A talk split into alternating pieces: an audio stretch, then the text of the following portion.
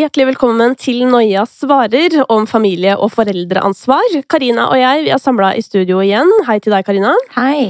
Og vi skal besvare spørsmålene som har kommet inn denne uka. Og det er spørsmål som handler f.eks. om sosial angst i møte med andre foreldre, om frykten for å bli forelder, og hvordan man eventuelt kan fortelle barna hva det er man sliter med. Og det er jo ikke til å stikke under en stol, Karina, at verken du eller jeg har barn. Helt riktig. Men um, jeg er jo i hvert fall i kategorien frykten for å bli forelder på en måte.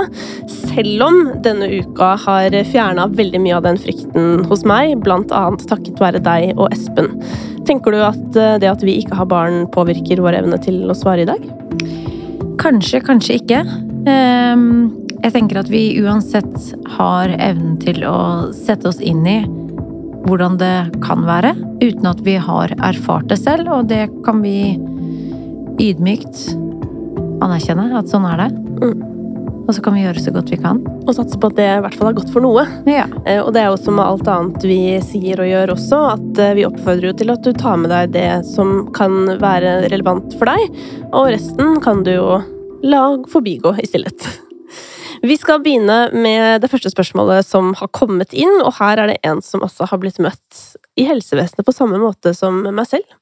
Eh, her er det en som skriver Jeg har aldri hatt lyst på egne barn, men psykiateren min sa en gang til meg at det kan være lurt at jeg får barn, nettopp for å få flytta fokuset vekk fra angst.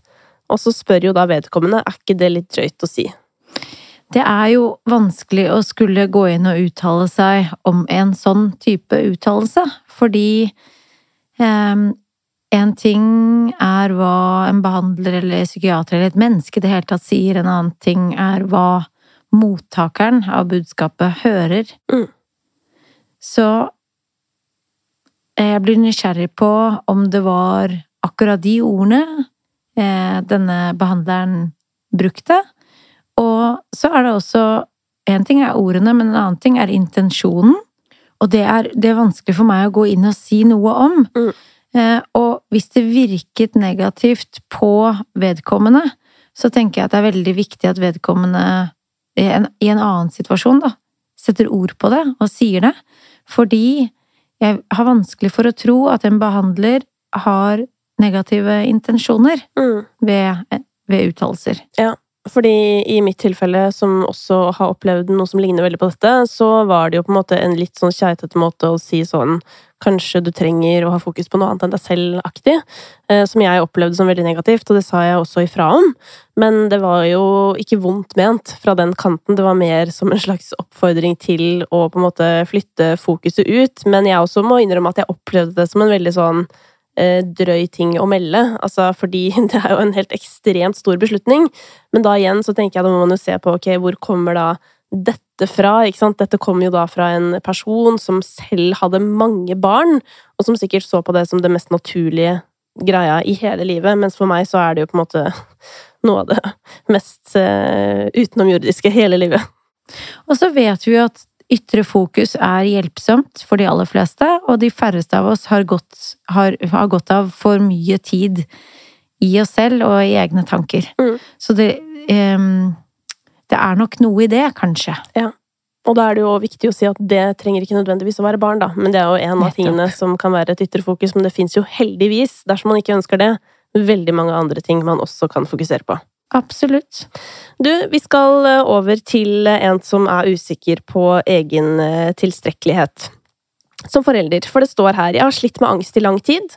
Jeg er nå 35 og ønsker å få barn med min kjære.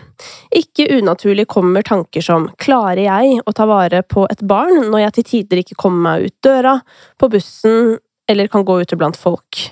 Um, mange sier at det vil gå helt fint, fordi du må og ikke har noe valg. Men det er akkurat det som skremmer vedkommende, som da er redd for at vedkommendes syke skal hemme oppveksten til et eventuelt barn, da.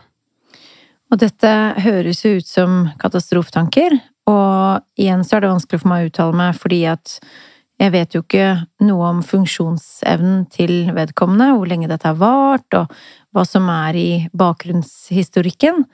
Eh, men jeg tenker at frykt beskytter, og vi må skille mellom angst og frykt. Hvor angst blir en over... Altså at man overdriver sannsynligheten for at det kan gå veldig galt.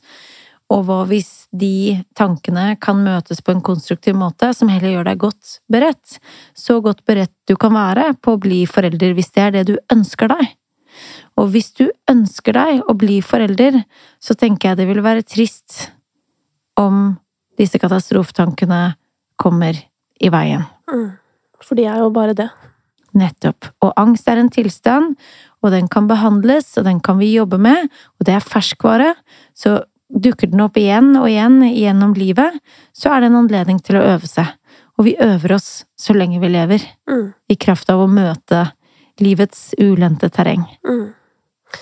Vi skal over til et eh, annet spørsmål som eh, er litt annerledes. Eh, dette kommer fra en mamma som syns det mest utfordrende med å være forelder, er det å skulle møte andre foreldre i sosiale settinger. Det står her at det kan være alt fra sosiale ting i barnehagen til bursdager, til å ta kontakt med foreldre for å spørre om barna deres kan leke sammen.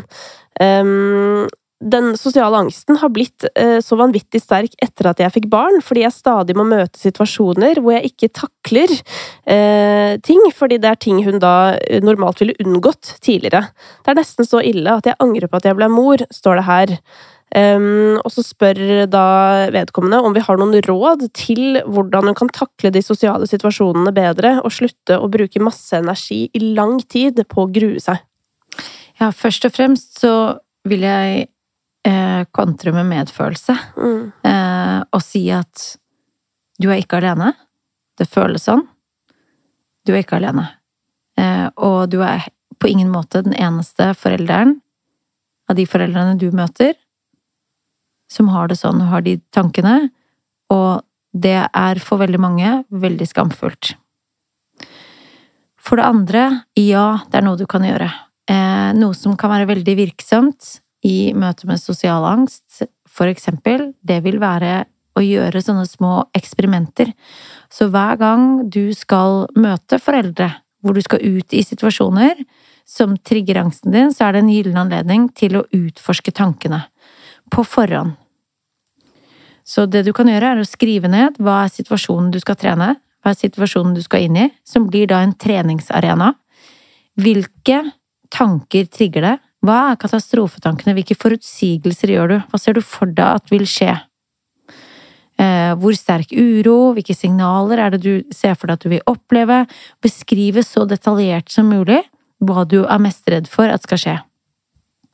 Og så skriver du ned hva som kan hjelpe deg og støtte deg, hva, som, hva du kan minne deg selv om når du er i situasjonen. Eh, det kan for eksempel være ytre fokus. Det kan være at eh, du sier noe fint til deg selv, eller muntrer deg selv opp, eller minner deg selv om at andre mennesker er vesentlig mindre kritiske eh, til deg enn det du eh, er til deg selv, for eksempel. Ehm, og at andre mennesker er vesentlig mindre opptatt av deg enn det du tror de er. Mm. Og så kan du teste, når du møter situasjonen, legge merke til hva er det som egentlig skjer. Hvor sterke er signalene inni deg? De katastrofetankene du har, skjer de? Så kan du notere deg hva er det egentlig som skjedde, og sammenligne det reelle hendelsesforløpet med det du forestilte deg, og på den måten dra noen konklusjoner. Hva tar du med deg? Og så kan du gjøre flere sånne eksperimenter.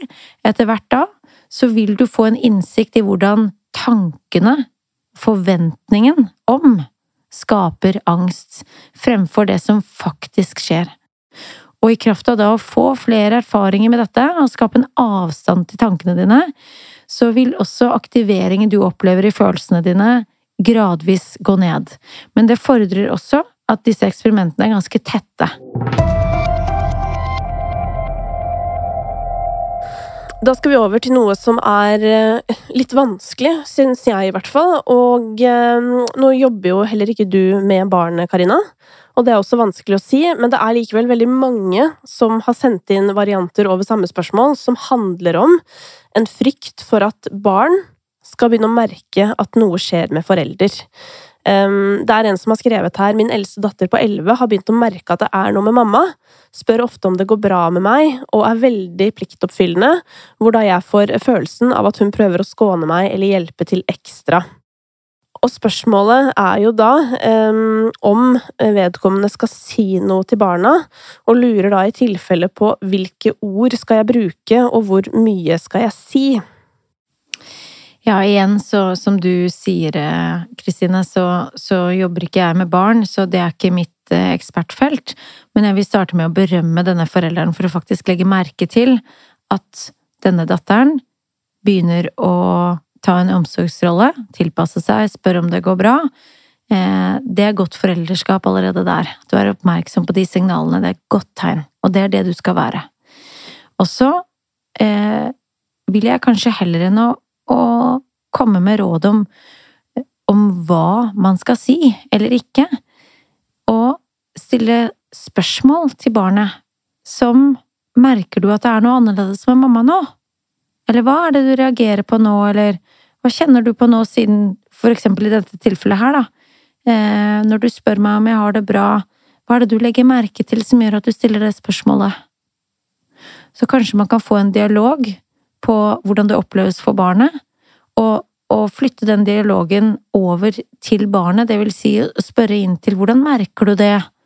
Kjenner du det i magen? Mange barn kan, kan, øh, kan få veldig sånn fysiske signaler, de er kanskje ikke så kjent med eget følelses- og tankeliv, da, på den måten som vi voksne er. Men å spørre inn til hvordan merker du det i kroppen, eller merker du det i magen, eller hva er det du kjenner på, fortell meg, og, og så kan det være en kilde til en fin samtale, og bare det å la barnet få lov til å fortelle, det kan være med på å trygge. Og da er det ikke sikkert at det er så nødvendig at den voksne forteller så veldig mye. Og jeg tenker uansett at den voksne kanskje skal være restriktiv med valg av ord og, og informasjon, fordi at barn forstår ikke alt. Eh, og det finnes helt sikkert noen, noen enkle metaforer som barn kan forstå, Eh, og som de kan hvile i, som gjør at de ikke er så engstelige. Men det er det det handler om. Det handler om å trygge barna. Og hva er det som gjør ditt barn trygt i den situasjonen der? Still spørsmål, kom på nivå med. Mm. Vi skal over til en som har uh, trøbbel med katastrofetanker i samspill med barna. Um, det står her min katastrofetanke er at jeg får full panikk eller klikker eller mister det spesielt på flyturer, og at jeg da skal skremme barna, eller at de skal skamme seg da over eh, forelderen. Um, så spørsmålet er jo, hvis jeg skulle få panikk, og hvis det eventuelt er synlig, har dere noen tanker om hvordan jeg skal håndtere det overfor barna, og hva jeg skal si til dem etterpå? Jeg vil si dette høres ut som ganske vanlige katastrofetanker. Um, frykten for å miste det helt og bli sinnssyk og begynne å rope og skrike eller utagere, det er en ganske velkjent katastrofetanke. Mm. Eller velkjente katastrofetanker. Eh, hvor mange ganger, til innsenderen, hvor mange ganger har du hatt disse katastrofetankene? Og hvor mange ganger har de faktisk innfunnet? Og svaret på det tror jeg jo er null, fordi vedkommende spør jo hva gjør jeg hvis det skjer, og det tyder jo på at det foreløpig ikke har skjedd. Men det som også står i spørsmålet, er jo at vedkommende opplever det som en sorg at ikke de kan dra på reiser, fordi dette har jo da gjort at å dra på flytur, for eksempel, eh, har blitt noe som eh, familien unngår, da. Og det er jo det som dessverre ofte skjer. Eh i møte med katastrofetanker så finner vi strategier for å håndtere, enten i kraft av å unngå eller sikre oss. Eh, og da får jo angsten lov til å ta overhånd, eh, og disse katastrofetankene får lov til å få enda mer innpass og enda mer troverdighet, og de får lov til å bygge seg opp og kanskje i hvert fall også utvikle seg. Eh, så der ligger det jo også en invitasjon til å kanskje bevege seg litt tettere på de, utforske de. Hva er sannsynligheten for og hvis det verst tenkelig skjedde, hva da? Um, det å høre og vite at dette er normale katastrofetanker, og at hjernen ikke klarer å skille mellom hva du tenker og forestiller deg, og hva som faktisk skjer, så det kan sette i gang alarmberedskapen i kroppen, som gjør at vi kommer i tilstand av angst, og så blir det enda mer troverdig, og det virker enda mer sannsynlig at det skal skje. Eh, og man klarer ikke helt å skille mellom hva som er tanker, og hva som er fakta. Så hva vi forestiller oss at i verst tenkelige tilfeller kan skje, og hva som faktisk skjer. Så det kan være til hjelp for mange å jobbe med disse tankene liksom på skrift, skrive ned. Så vil jeg også si, hvis, hvis du hadde til innsender eh, hatt en god venn som hadde, som hadde, hatt det på samme måte, hva, hva, hadde du sagt til ham? Hva hadde du rådet ham til? Um, eller henne, eventuelt. Um, og hvordan hadde du møtt de tankene hos en annen? Og hva hvis det verst tenkelige skjer? Hva da? Jeg har til gode å oppleve at noen eh, med disse katastrofetankene, som i frykt for å utagere eller å miste det, faktisk erfarer det. Mm. Jeg har møtt ganske mange med tilsvarende tanker. Så, så, for noen så vil det hjelpe å tenke ok, men hva da? Hva hvis det skjer? Hva da etterpå? Hvilke føringer legger det? Hvem er det som husker det? Hvem er det som legger merke til det? Hvor ille er det egentlig? Hvordan løser du det da? Mm. At det å gå inn i forferdeligheten, da At jeg kan dempe forventningsangsten på forhånd.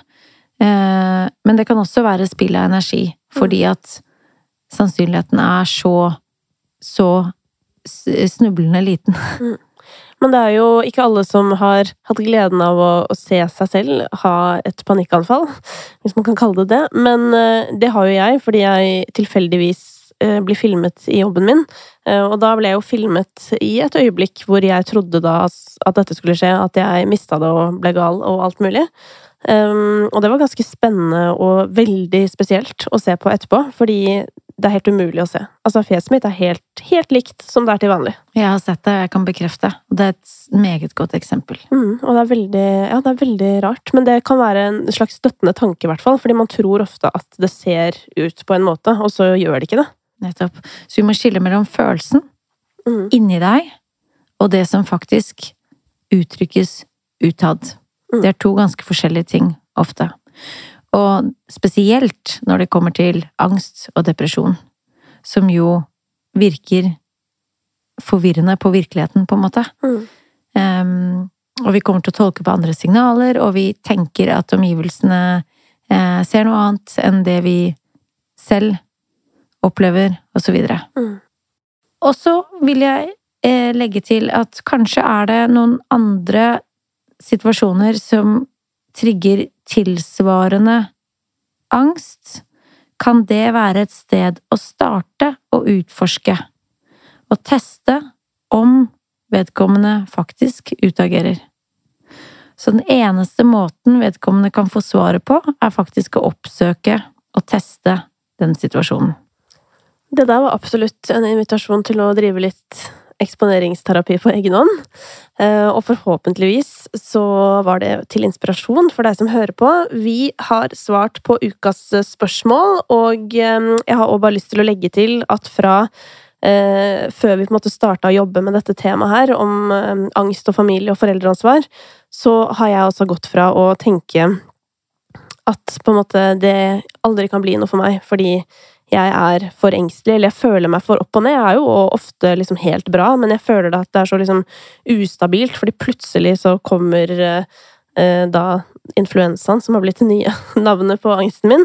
Um, og um, etter den uken så må jeg bare si at jeg sitter igjen med helt, altså en helt annen uh, opplevelse av og tanke om det å eventuelt skulle få en familie på et tidspunkt i fremtiden. Og det skyldes jo mye det du har vært flink til å understreke, Karina. At det å oppleve livet på godt og vondt egentlig bare er eh, kompetanse, på en måte. Jeg tenker det. Tusen takk til alle som har sendt inn spørsmål denne uka. Neste uke skal vi snakke om noe som jeg har virkelig sett frem til å sette fokus på. Fordi gjennom alle samtalene vi har hatt i dette prosjektet, så er det en ting som har, for meg i hvert fall, utpekt seg som noe veldig viktig. Og det er å sette grenser. Både med seg selv og overfor andre. Og derfor handler neste kapittel om grenseløshet. Maria Mena er gjesten vår, og episoden den er ute på mandag.